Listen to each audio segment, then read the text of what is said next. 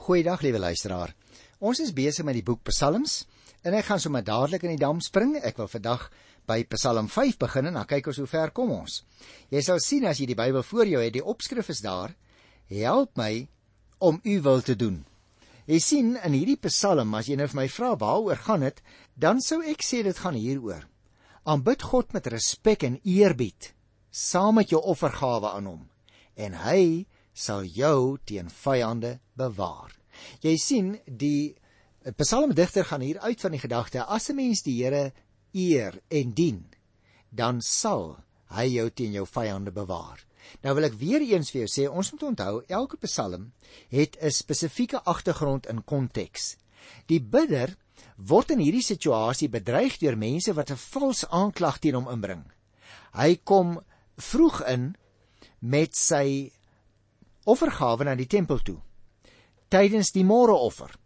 Terwyl die priester nou die offer bring, buig hierdie man voor God en hy bid. Dis onwaarskynlik dat dit Dawid is wat hier bid. Hoekom sê ek dit? Want in sy tyd was die tempel nog nie gebou nie. En daarom het ons nou hier 'n baie interessante opskrif. By Psalm 5. Daar staan vir die koorleier met fluitspel 'n Psalm van Dawid. Nou ja, as ons nou die agtergrond van die Psalm wat ek nou net vir jou kortliks geskets het, dan gedagte hou, dan verstaan ons, dis nou 'n bietjie vreemd dat hier sou staan 'n Psalm van Dawid. Daar's eintlik 'n baie eenvoudige verklaring voor. In die Hebreëse taal is daar 'n voorsetsel le. Nou daardie voorsetsel kan beteken van of dit kan beteken aan. Met ander woorde, hier het ons 'n goeie voorbeeld van 'n opskrif waaruit ons nie spesifiek kan aflei of die Psalm uit Dawid se pen gekom het nie. Met ander woorde, 'n Psalm van Dawid en of dit 'n Psalm was wat op 'n stadium toe die tempeldiens reeds bestaan het en die tempel reeds gebou was, met ander woorde na Dawid se tyd, né, want in sy tyd was daar mos nou nie geboude tempel nie. Dat die Psalm toe aan Dawid opgedra is dat daar dus eintlik staan 'n Psalm aan Dawid. Gesien dus teen die agtergrond van die Psalm, kan ons sê dit kom na die tyd van Dawid. En terwyl die priester nou die offer bring, buig die bidder voor God in gebed. Ons kan in hierdie Psalm lief luisteraar dus 'n oggendgebed raak sien lyk dit vir my. Dit toon 'n opvallende simmetriese opbou waarin die verhouding van die gelowige tot God in twee gedeeltes geteken word. Maar ek gaan dit nou nie in detail uitmekaar haal nie want dan klink dit ingewikkeld en moeilik en dit is nie my bedoeling nie. So kom ons kyk nou na vers 2 tot by vers 4. Luister tog na my woorde, Here, hoe ek sug. Gee tog aandag aan my hulpgeroep, my koning en my God, want tot U bid ek. Luister na my stem in die môre, Here, in die môre terwyl ek voor U verskyn en op U wag. Verstaan jy nou hoekom ek net nou gesê het dit is waarskynlik 'n lied wat gebid is of gesing is tydens die môreoffer omdat vers 4 staan u luister na my stem in die môre. Jy merk op dat die bidder die Here aanroep. Hy spreek die Here aan op drie maniere. Here in vers 2, dit wil sê die verbondsnaam, my koning en my God in vers Met hierdie intieme aanspreekvorm bely die bidder natuurlik dat hy aan die Here behoort, dat hy van die Here afhanklik is. Wanneer jy en ek, liewe luisteraar, God direk aanroep en vir hom sê, God, kan ons seker weet dat hy gereed staan om ons te help. Daarom moet ons let op die manier waarop hierdie man ook die Here aanspreek. Die besonder intieme verhouding waarin hy met die Here staan, kom juis uit die voorsetsel my koning, my God na vore. Wanneer 'n mens die Here dus aanspreek, dan moet jy iets laat blyk ook van tyd tot tyd dat daar 'n intieme verhouding tussen jou en hom is. Dis baie interessant dat in die psalms God dikwels as 'n koning aangespreek word. En met hierdie aanspreekvorm bely die psalmdigter natuurlik dat hy sy saak aan sy koning toevertrou. In gewone regsaake vel die koning die beslissing. In die saak teen 'n persoon as gelowige sal die Here sy koning uitspraak lewer. Daarom moet jy en ek ook nie so bekommerd wees oor wat mense mag sê nie. Uiteindelik doen ons aan die Here verantwoording. dat hierdie man in nood verkeer en die dringendheid van sy gebed, dit blyk uit die herhalings. Luister wat hy sê: My woorde. Ek sug. My hulp geroep.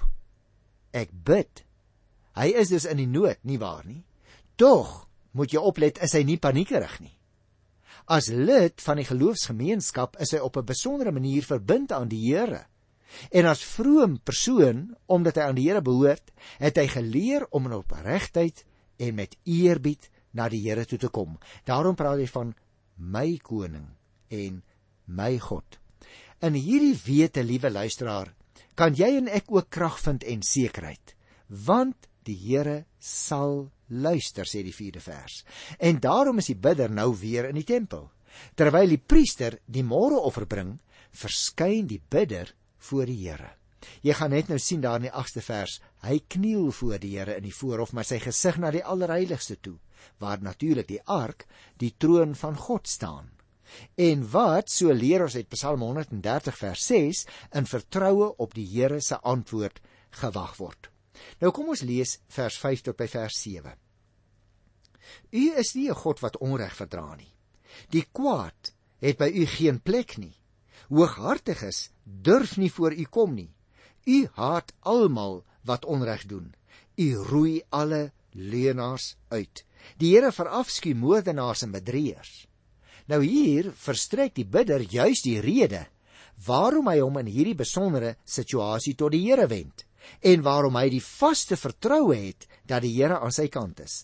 Die Here, so sê hy, duld immers nie onreg nie. En iemand wat op die verkeerde pad is, word nie in die tempel geduld nie. 'n Hele lysie van eienskappe van die goddeloses word sommer hier vir ons in een asem verskaf. Goddelose mense doen onreg. Hulle vertel leuns. Hulle moer. Hulle bedrieg. En as ons dit sien, hierdie dade, die onreg doen, die leuns, die moord en bedrieg, dan word hierdie mense gekenmerk en getipeer as goddeloses en hulle durf nie voor God, dit wil sê in die tempel waar die gelowiges mag vergader, kom nie. As ek nou my hand in eie hart steek, liewe luisteraar, wil ek vir jou sê daar's aan baie dinge in my eie hart wat nie reg is nie. Hoe lyk jou hart? Hoe lyk jou lewe? Storm ons sommer net in in 'n gesprek met die Here of kniel ons soms in ootmoed voor die Here en Here sê Here ek besef vir 'n keertjie weer hoe groot my sonde las voor U is en ek kom in ootmoed nie in bravado voor U nie is dit nie dalk die jas wat jy ook 'n keertjie moet aantrek nie luisteraar luister na vers 8 tot by vers 11 maar ek Ek mag deur u groot liefde in die huis ingaan en in die heilige tempel buig met die eerbied wat aan u verskuldig is. Liewe luisteraar nou hier in die 8ste vers. Uh leer ek 'n baie baie belangrike ding. Dit is juis vanweë die Here se groot liefde, sê die digter, dat hy in die huis mag ingaan, in die heilige tempel mag buig. Nou wil ek dadelik vir jou sê, ons moet onthou, ons het hier met 'n Ou Testamentiese situasie te maak. Die tempel word gesien as die huis en as die woonplek van die Here. As Nuwe Testamentiese gelowiges weet jy en ek ook, ons liggame is die eintlike tempel van die Heilige Gees, nê? Dit staan in 1 Korinte 3 vers 16.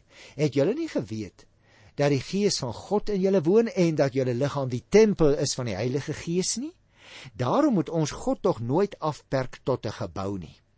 Dit is wel 'n wonderlike voorreg om in die samekoms van die gemeente in 'n gebou saam te kom, maar 'n gebou is nie noodwendig die plek waar die Here aanwesig is nie.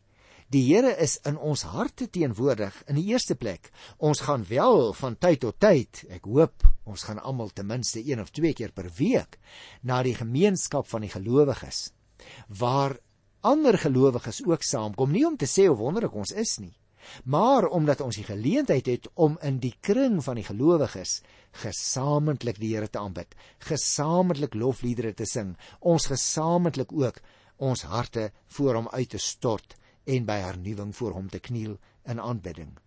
Daarom as hy nou van vers 10 af verder praat, dan sal jy sien die goddeloses kom ter sprake. Hy sê niks wat hulle sê is waar nie. Al waaraan hulle dink is my ondergang. Hulle vlei my maar hulle wil my in die graf laat beland. Laat hulle daarvoor boet, o God. Laat hulle die hulle eie planne tot niet gaan. Dryf hulle weg oor hulle baie sondes, want hulle is opstandig teen U, Here.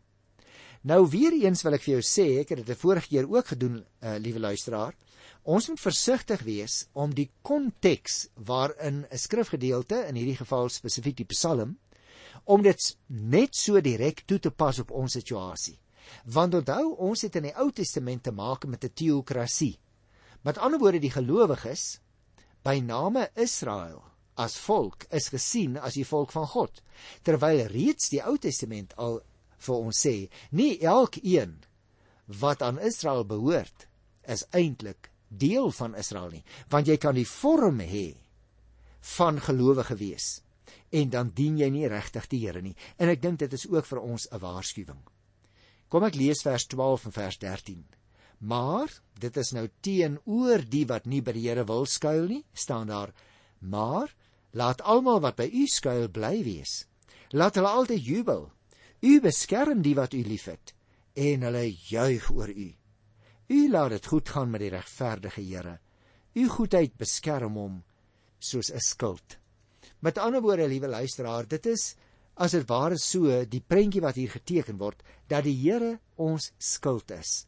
En daarom as jy dit mooi lees hier in vers 12 en 13, dan kom jy agter die bidder wat hom by sy medegelowiges skaar geniet die warm hartlikheid en die vreugde van die gemeenskap van die gelowiges. Hulle het almal saam deel aan die gawes wat God aan die wat by hom hulp en beskerming soek. En hulle het ook almal deel daaraan omdat die Here ons liefhet.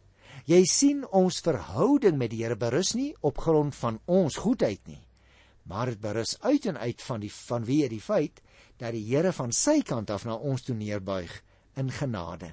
Daarom kan die gelowige juig in vers 12 en 13. Want ons God haat nie die goddeloses nie. Hy roei hulle nie net uiteindelik uit nie, maar die Here sorg ook vir die wat hom liefhet. Daarom, liewe luisteraar, die Here beskerm ons. Sy goedheid wil hy in groot emmers oor ons uitgiet. En dit bring my nou by die 6ste Psalm. En daarby wil ek so 'n klein bietjie langer stil staan, want miskien het jy geweet daar is 7 psalms in die Psalmboek, Psalm 1 tot 150. Daar is 7 psalms wat bekend staan, dit het maar so deur die uh, eeue ontwikkel as boetepsalms. En in 'n boetepsalm is daar verskillende dinge wat na vore kom. Gewoonlik is daar skuldbelydenis. En gewoonlik vra die bidder ook om vergifnis. Miskien moet ek gou vir jou daardie sewe boetepsalms noem. Dit is Psalm 6, 32, 38, 51, dis 'n baie bekende een, maar ek sal nog later oor hom praat. En dan ook Psalms 102, 130 en 143. Nou, wat is 'n boetepsalm? 'n Boetepsalm, liewe luisteraar, is 'n soort psalm waarin die bidder gewoonlik skuld bely. Nou is dit natuurlik so, in enkele psalms is die belydenisfaset baie sterker beklemtoon as in ander.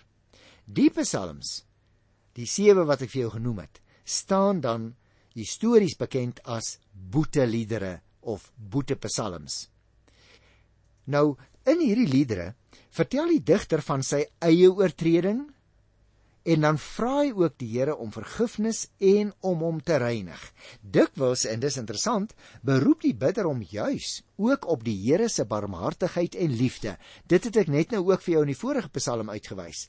Want jy sien liewe luisteraar, die verhouding tussen God en ons ontstaan altyd van die Here se kant af. Ons is nie uit onsself om die Here soos ons soms sê te vind nie. Dis eers as die Here ons oë by wyse van Spreuke soos klein hondjies sin laat oopgaan dat ons hom kan sien, dat ons hom kan vind. Maar dit beteken dus dat die Here al reeds in ons harte begin werk het. En een van die mees aangrypende boeteliedere vir my waarin ons juis hierdie elemente teekom, is seker die roerende gebed van Dawid oor sy sonde.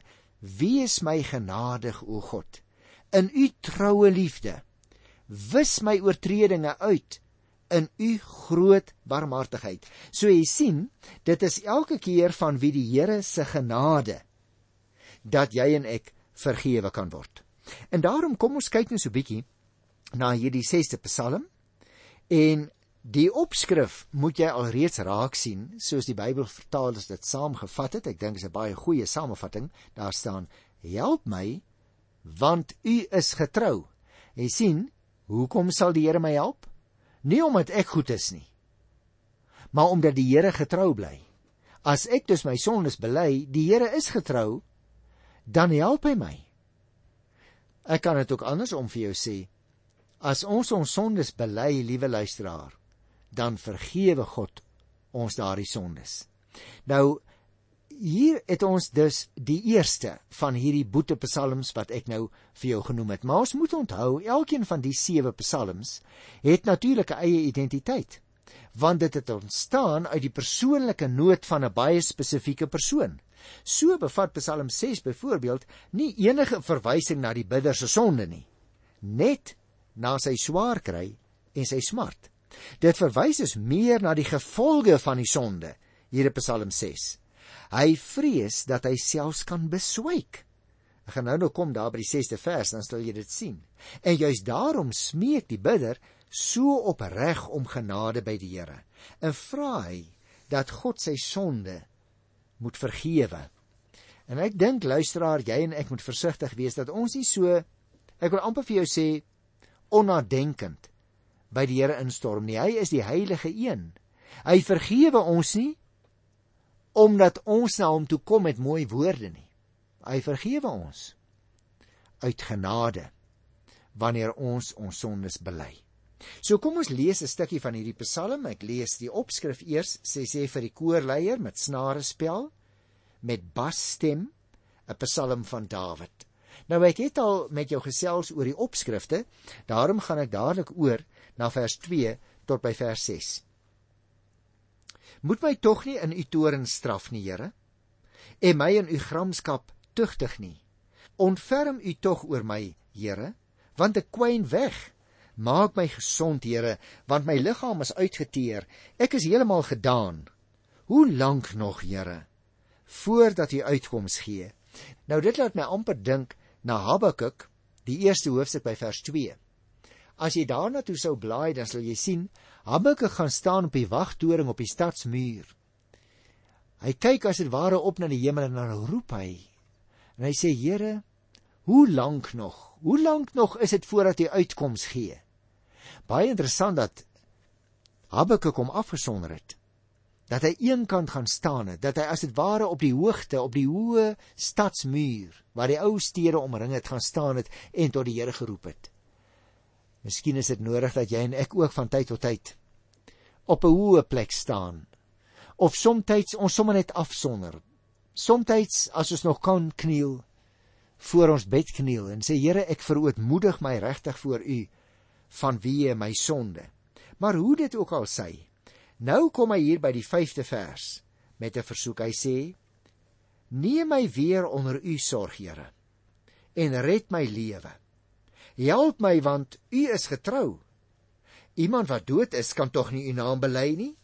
Kan iemand in die doderyk U prys? Dit is dus asof hierdie bidder wil sê, Here, dit sal nie help totdat ek gesterf het dat ek tot U bid nie. Want jy sien liewe luisteraar, die Bybel sê vir ons, leer dit baie duidelik op verskillende plekke, ons eindbestemming word aan hierdie kant van die graf bepaal. 'n mens moet dus versigtig wees. As jy dalk in 'n motor ry, jy sê ag nou ja, broer Johan, ek lewe 'n bietjie anders. Ek ek wag maar, ek gaan nog tot bekering kom nie nou al nie.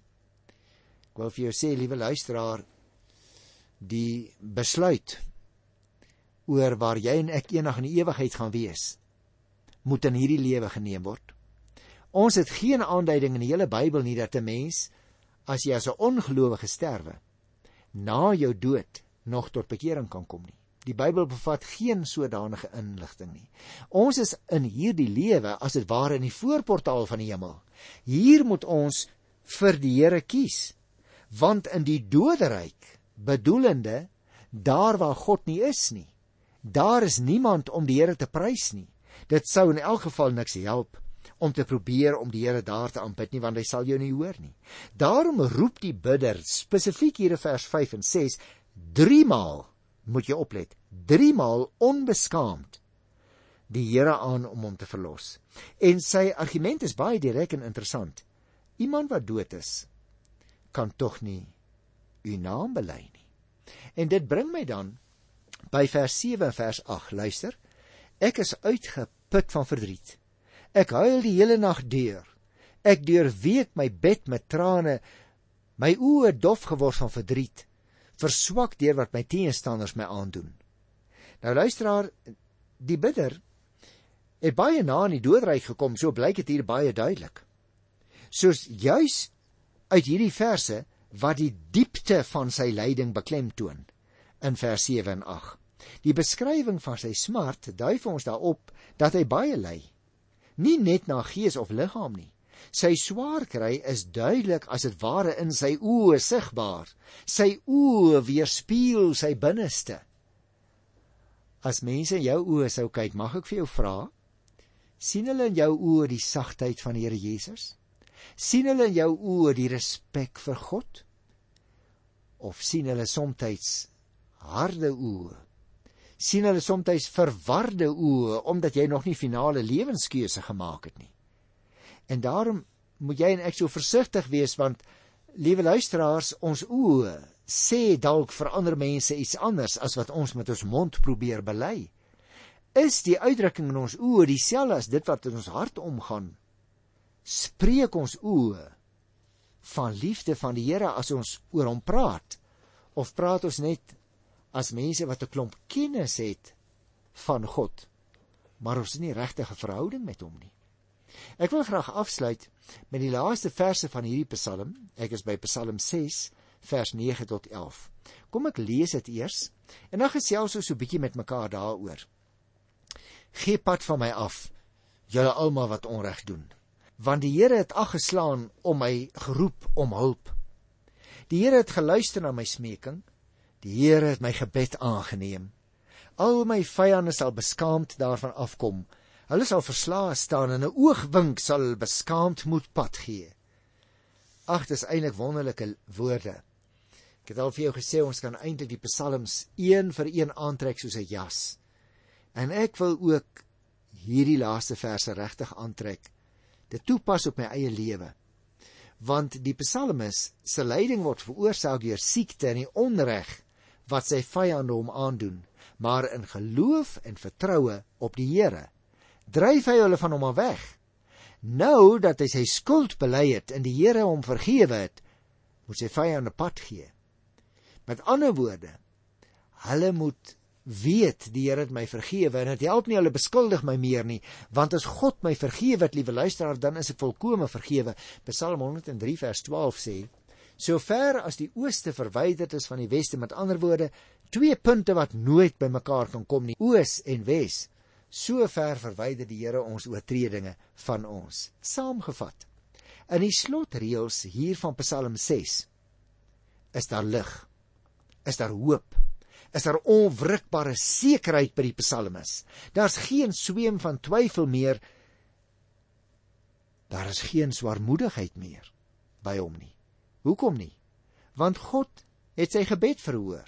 Met nuwe sekerheid durf hy die lewe aan, want die Here het sy teenstanders verdryf. Dis my baie wonderlik sê ek, hoekom? Want jy en ek kan altyd in tye van bedruktheid en bewustheid van ons sonde hierdie boetelied gebruik om ons skuld voor die Here te bely en vergifnis te ontvang. Die groot boodskap lyk dit my van hierdie boetelied Psalm 6 is juis dit. Bely jou sondes en die Here sal jou sondes vergewe. Wat 'n stuk genade van God se kant wat ons ook uit die bidder hier in Psalm 6 se mond hoor. En dit wil ek aan jou verkondig. Bely jou sondes voor die Here in die naam van Jesus Christus en God sal jou sonde vergewe Ek groet jou in sy wonderlike genadige naam tot volgende keer. Tot dan. Totsiens.